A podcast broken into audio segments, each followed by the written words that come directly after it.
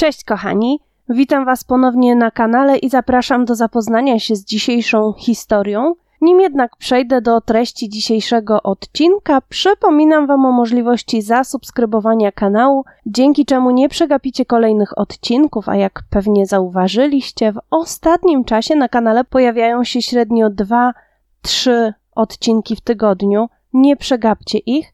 Zapraszam również do dołączenia do grona patronów na Patronite. Będzie to bardzo duże wsparcie i motywacja do dalszej pracy. Pamiętajcie o możliwości obserwowania profilu na Instagramie oraz na Facebooku. Mamy również dwie grupy na Facebooku, a wszystkie linki znajdziecie oczywiście pod filmem.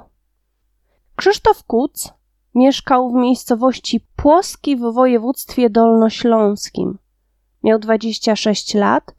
Mieszkał z mamą, która była nauczycielką, oraz ojczymem pszczelarzem. Rodzina prowadziła niewielkie gospodarstwo rolne. Krzysztof nie służył w wojsku, ponieważ wykluczyły go z tego problemy zdrowotne. Krzysztof pracował jako kierowca ciężarówki, często wyjeżdżał za granicę, do Holandii, gdzie pracował zawodowo. W pewnym momencie mężczyzna zaczął skarżyć się na silne bóle głowy, zaczął mieć również problemy natury psychicznej, pojawiły się u niego halucynacje, czasami bywał agresywny bez powodu. 7 lipca 2006 roku Krzysztof wyjechał do Holandii, gdzie miał podjąć pracę. Nie miał to być długi pobyt, chłopak miał za trzy tygodnie wrócić do Polski. Jechał z kolegą samochodem osobowym i w trakcie podróży mężczyźni zatrzymali się na obiad. W pewnym momencie Krzysztof wybiegł z restauracji, jakby czegoś się przestraszył. Świadkami tej sytuacji byli również inni klienci oraz pracownicy lokalu.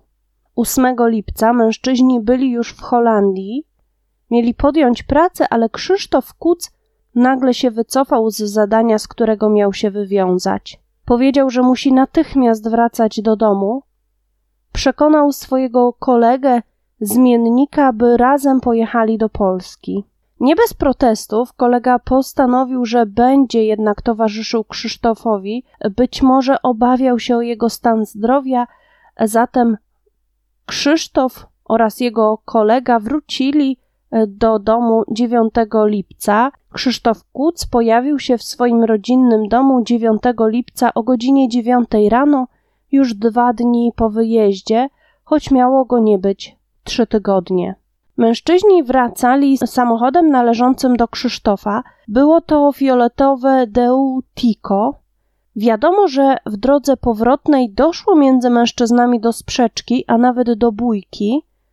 Mimo wszystko obaj docierają do celu.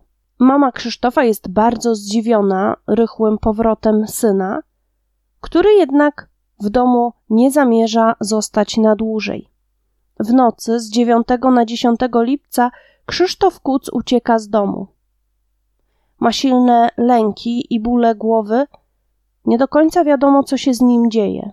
W pewnym momencie mama Krzysztofa wchodzi do jego pokoju, chce zapytać syna o samopoczucie, i wówczas kobieta zauważa, że spod poduszki syna wystaje nóż.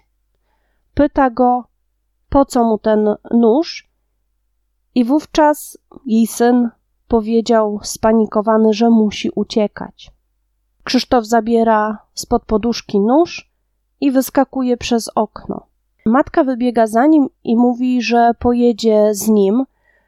Wówczas Krzysztof kieruje ostrze noża w stronę mamy i mówi kilkukrotnie: Nie podchodź. Wybiegając z domu, chłopak zabiera ze sobą wspomniany nóż w domu pozostawia natomiast swój telefon komórkowy. Wsiada do samochodu i odjeżdża. Jest jednak tak bardzo zdenerwowany, że wyjeżdżając z posesji uderza w słupek przy bramie wjazdowej. Uszkadza w ten sposób zderzak swojego Tiko.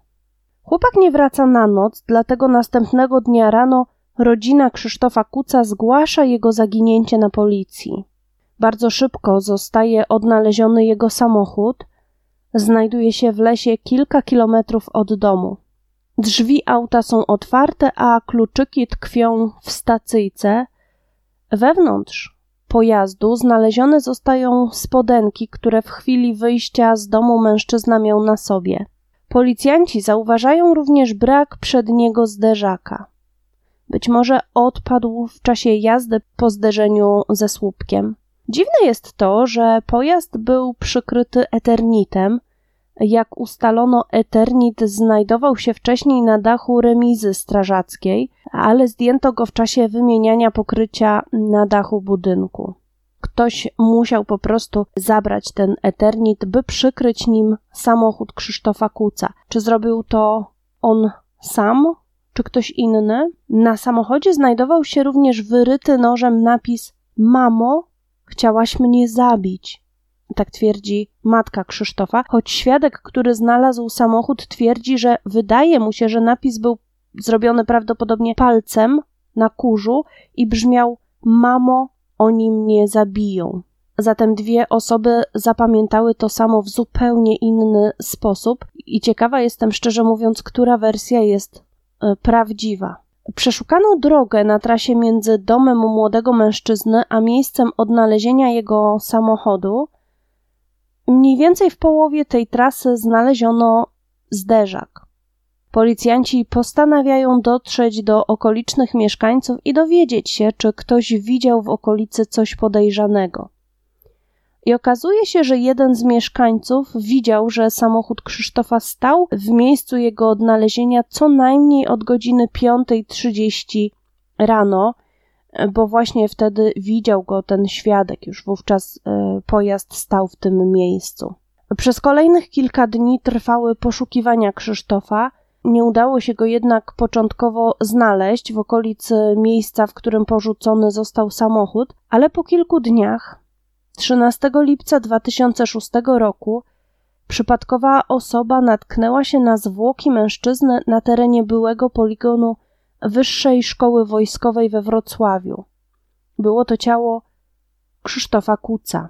Zadziwiającym jest fakt, że zwłoki znaleziono aż we Wrocławiu, czyli 70 km od miejsca odnalezienia samochodu.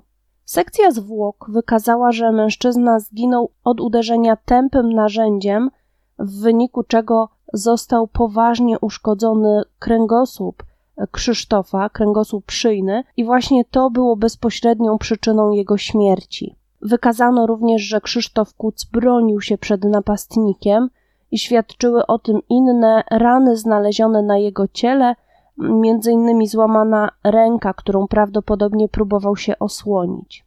Ustalono, że do śmierci doszło po około 48 godzinach od ucieczki z domu i mniej więcej na kilkanaście godzin przed odnalezieniem zwłok. Gdzie zatem przebywał Krzysztof po opuszczeniu domu? Bezsprzecznie wiadomo, że w chwili, kiedy znaleziono jego samochód, mężczyzna nadal żył. Przy zwłokach znaleziono 2000 złotych, sprawca ich nie zabrał. Pieniądze prawdopodobnie należały do kolegi Krzysztofa, a nie do niego. Miejsce znalezienia zwłok nie było miejscem zbrodni. Widoczne były ślady wleczenia, a około 100 metrów dalej znaleziono buty mężczyzny.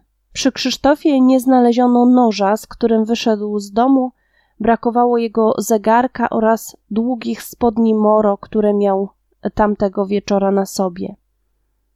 Nie udało się również ustalić motywu tej zbrodni.